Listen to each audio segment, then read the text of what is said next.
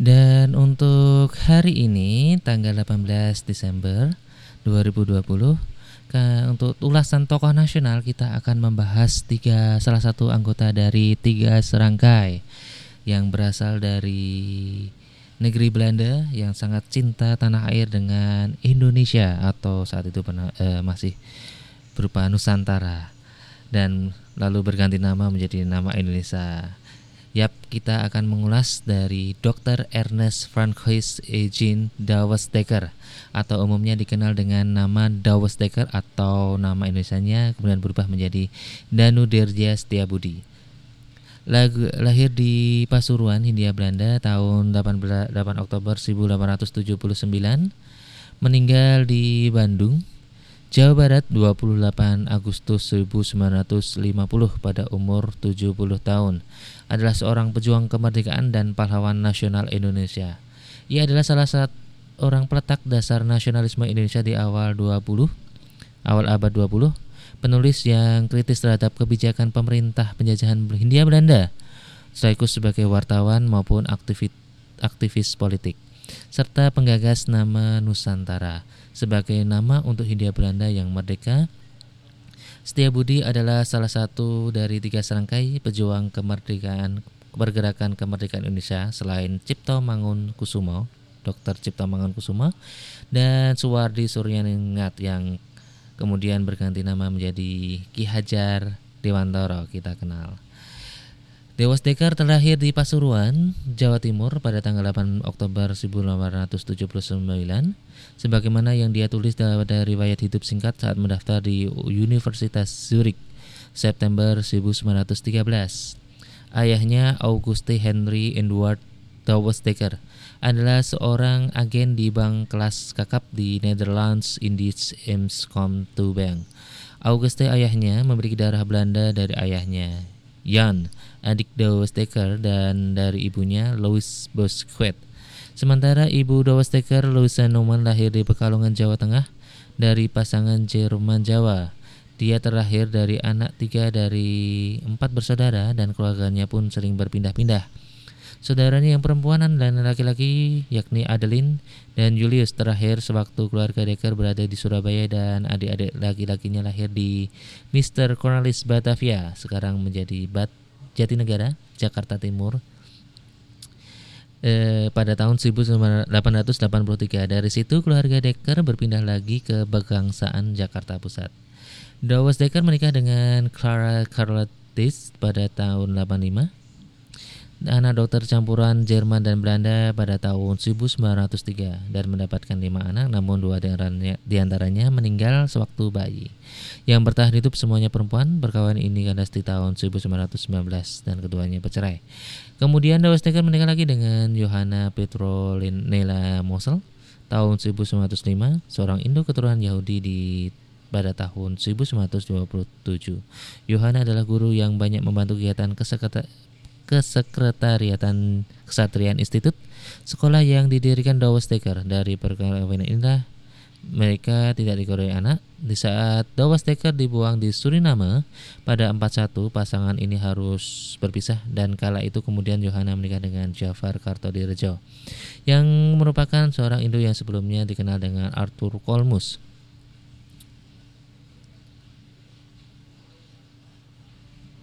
Dan di masa mudanya, pendidikan dasar yang ditempuh Nes atau Dawas Degar di Pasuruan, sekolah lanjutan pertama-tama diteruskan ke HBS di Surabaya, lalu pindah ke Gymnasium Koning William III School, sekolah elit setingkat HBS di HBS HBS di Batavia.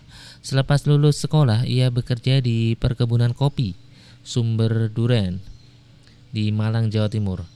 Di sana ia menyaksikan perlakuan, perlakuan semena-mena yang dialami pekerja kebun dan sering kali membela mereka. Tindakannya itu membuat ia kurang disukai rekan-rekan kerja, namun disukai pegawai-pegawai ke bawahnya. Akibat konflik dengan manajernya, ia dipindah di perkebunan tebu, pajarakan, di keraksaan sebagai laboran. Sekali lagi, dia terlibat konflik dengan manajemen karena urusan pembagian irigasi untuk tebu, perkebunan, dan padi petani. Akibatnya ia dipecat. Dalam perang Bur, mengganggu dan kematian pada ibunya membuat Dawes-Dekker memutuskan berangkat ke Afrika Selatan pada tahun 1899 untuk ikut perang dalam perang Bur kedua melawan Inggris. Ia bahkan menjadi warga negara Republik Transvaal. Beberapa bulan kemudian, kedua saudara laki-lakinya, laki-lakinya Julius dan Guido menyusul. Uh, Dawes-Dekker tertangkap lalu dipenjara di suatu camp di Ceylon. Di sana ia mulai berkenalan dengan sastra India dan perlahan-lahan pemikirannya mulai terbuka akan perlakuan tidak adil pemerintah kolonial Hindia Belanda terhadap warganya. Sebagai wartawan kritis dan aktivitas awal, Dawes Dekker dipulangkan ke Hindia Belanda pada tahun 1902 dan bekerja sebagai agen pengiriman KPM, perusahaan pengiriman milik negara Hindia Belanda saat itu. Penghasilannya lumayan membuat berani menyunting Clara Carletich, seorang putri dokter asal Jerman yang tinggal di Hindia Belanda pada saat itu. Kemampuan menulis laporan pengalaman peperangannya di surat kabar terkemuka membuat ia ditawari menjadi reporter koran Semarang terkemuka, The Locomotive. Di sinilah ia mulai merintis kemampuannya dalam berorganisasi. Tugas-tugas jurnalistiknya seperti ke perkebunan di Lebak dan kasus kelaparan di Indramayu membuat mula, membuatnya mulai kritis terhadap kebijakan kolonial. Ketika ia menjadi staf redaksi Batavia Newsbeat tahun 1907, tulisannya menjadi semakin pro kaum Indo dan pribumi. Dua seri artikel yang tajam dibuatnya pada tahun 1908. Seri pertama artikel dibuat Februari 1908 di surat kabar Belanda New News Arhamseid Koran. Setelah versi bahasa Jermannya dibuat di koran Das Freie Word, Herbankroet der STC Principes in Netherlands Oost-Indie atau kebangkrutan prinsip etis di Hindia Belanda. Kemudian pindah di Batavia News Newsblad. Sekitar tujuh tahun kemudian, akhir Agustus, seri tulisan berikutnya muncul di surat kabar yang sama dengan judul Bagaimana Cara Belanda Dapat Segera Hilangkan Koloni-koloninya. Versi Jermannya berjudul Holland Colonial on Untergang. Kemudian kembali kebijakan politik etis dikritiknya. Tulisan-tulisan ini membuatnya mulai masuk dalam radar intelijen penguasa rumah Dawesteger pada saat yang sama yang terletak di dekat Stovia, tempat berkumpulnya para perintis pergerakan kebangkitan nasional Indonesia Budi Utomo seperti Sutomo dan Cipto Mangunkusumo untuk belajar dan berdiskusi. Budi Utomo, organisasi yang diklaim sebagai organisasi nasional pertama, lahir atas bantuannya. Ia bahkan menghadiri kongres pertama Budi Utomo di Yogyakarta. Aspek pendidikan tak luput dari perhatian Dawes-Dekker pada tahun 1910 atau 8 Maret. Ia turut membidani lahirnya Indische Universiteit Vereniging, suatu badan penggarang dana untuk memungkinkan dibangunnya lembaga pendidikan tinggi universitas di Hindia Belanda di dalam di dalam UV terdapat orang Belanda, orang-orang Indonesia, aristokrat Banten, dan perwakilan dari organisasi pendidikan kaum Tionghoa. Indische Party karena menganggap Budi Utomo terbatas pada masalah kebudayaan Jawa, Dawes Deka tidak banyak terlibat di dalamnya. Sebagai orang seorang Indo, ia terdiskriminasi oleh orang Belanda murni. Sebagai contoh, orang Indo tidak dapat menempati posisi-posisi kunci pemerintah karena tingkat pendidikannya. Mereka dapat mengisi mengisi posisi-posisi menengah sebagai gaji dengan gaji lumayan tinggi. Untuk posisi yang sama, mereka mendapat gaji yang lebih tinggi dari pribumi. Namun akibat politik etis, posisi mereka dipersulit karena pemerintah koloni mulai memberikan tempat ke orang-orang pribumi untuk posisi yang biasanya diisi oleh orang Indo. Tentu saja pemberi gaji lebih suka memilih ke orang pribumi karena mereka dibayar lebih rendah. Keprihatinan orang Indo ini dimanfaatkan oleh Dawes-Dekker untuk memasukkan idenya dalam pemikiran tentang pemerintahan sendiri Hindia Belanda oleh orang-orang asli Hindia Belanda yang bercorak inklusif dan mendobrak batasan ras dan suku. Pandangan ini dapat dikatakan original karena semua orang ya pada masa itu lebih aktif pada kelompok ras dan sukunya masing-masing. Berangkat dari organisasi kaum Indo, Indisibon dan Insulin, ia menyampaikan gagasan suatu indi baru yang dipimpin oleh warganya sendiri, bukan oleh pendatang. Ironisnya, di kalangan Indo ia mendapat sambutan hangat hanya di kalangan kecil saja karena sebagian besar dari mereka lebih suka dengan status quo atau netral. Meskipun kaum Indo direndahkan oleh kelompok Eropa murni, toh mereka dapat dilayani oleh pribumi. Tidak puas karena Indisebon dan Insulinde tidak bisa bersatu pada tahun 1912 Dawes bersama-sama dengan Cipta Mangunkusumo dan Suwardi Suryaningrat atau Ki Hajar Dewantoro mendirikan partai berhaluan nasionalis inklusif bernama Partai Hindia atau Indisi Partai. Kampanye ke beberapa kota menghasilkan anggota berjumlah 5.000 orang dalam waktu yang singkat. Semarang mencatat jumlah anggota yang terbesar, diikuti kemudian Bandung. Partai ini sangat populer di kalangan orang Indo dan diterima baik oleh kelompok Tionghoa maupun pribumi meskipun tetap dicurigai, dicurigai pula karena gagasannya yang radikal.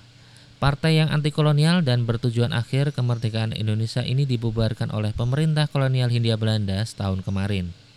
Seribu tahun kemudian, 1913, karena dianggap menyebarkan kebencian terhadap pemerintah. Akibat munculnya tulisan terkenal Suwardi Suryaningrat atau Ki Hajar Dewantoro di The Express yaitu tentang berjudul Ice I in the Lander Was atau Seandainya Aku Seorang Belanda. Ketiganya lalu diasingkan ke Belanda karena Dekker dan Cipto Mangunkusumo mendukung Ki Hajar Dewantoro untuk menulis artikel terkenal tersebut. Dalam pembuangan di Eropa, masa-masa di Eropa dimanfaatkan oleh Dekker untuk mengambil program dokter di Universitas Zurich, Swiss dalam bidang ekonomi. Di sini ia tinggal bersama keluarganya. Gelar dokter diperoleh secara agak kontroversial dengan dengan nilai serendah-rendahnya menurut istilah saat salah satu pengujinya karena di Swiss ia terlibat konspirasi dengan kaum revolusioner India. Ia ditangkap di Hong Kong dan diadili. Kemudian ia ditahan di Singapura. Setelah dua tahun di penjara, ia pulang ke Hindia Belanda 1920. Sekembalinya di Batavia setelah di penjara, Dekker aktif kembali dalam dunia jurnalistik dan organisasi. Ia menjadi redaktur organ informasi Insulinde yang bernama The Beweging. Ia menulis beberapa art seri artikel yang banyak menyindir kalangan pro koloni serta kebanyakan sikap kebanyakan kaumnya kaum Indo targetnya sebetulnya adalah the Eropanisasi orang Indo agar mereka menyadari bahwa demi masa depan mereka berada di pihak pribumi bukan seperti yang terjadi berpihak ke Belanda. Organisasi kaum Indo yang baru dibentuk Indische Europese Verbond dikritiknya dalam seri tulisan The Tien Geboden atau 10 Perintah Tuhan dan No Indring Sinyo E. Hendrik pada seri yang disebut terakhir. Organisasi tersebut dicap olehnya sebagai liga yang konyol dan kekanak-kanakan. Sejumlah pamflet lepas yang cukup dikenal juga ditulisnya pada periode ini seperti N. Nazi in the Mark atau suatu bangsa tengah terbentuk dan Ons Folk and Head Buitenlands ke Kapital bangsa kita dan modal asing. Pada rentang masa ini dibentuk pula National Industry Party sebagai organisasi pelanjut Industry Party yang telah dilarang.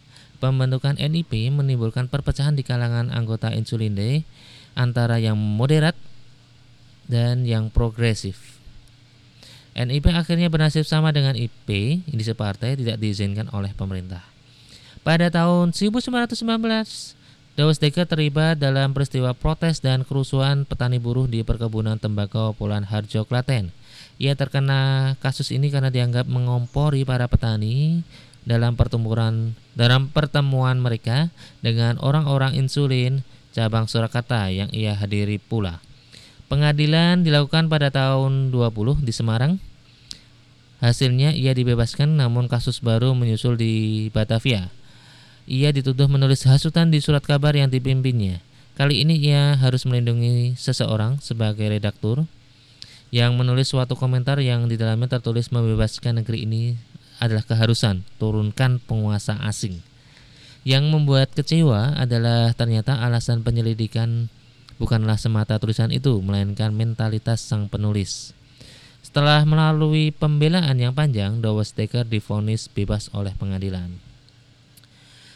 Sekeluarnya dari tahanan dan rentetan pengadilan, Decker cenderung meninggalkan kegiatan jurnalistik dan menyibukkan diri dalam penulisan sejumlah buku semi ilmiah dan melakukan penangkaran anjing gembala Jerman dan aktif dalam organisasinya. Prestasinya cukup berkesan karena salah satu anjingnya memenangi kontes dan bahkan mampu menjawab beberapa pertanyaan berhitung dan menjawab beberapa pertanyaan tertulis.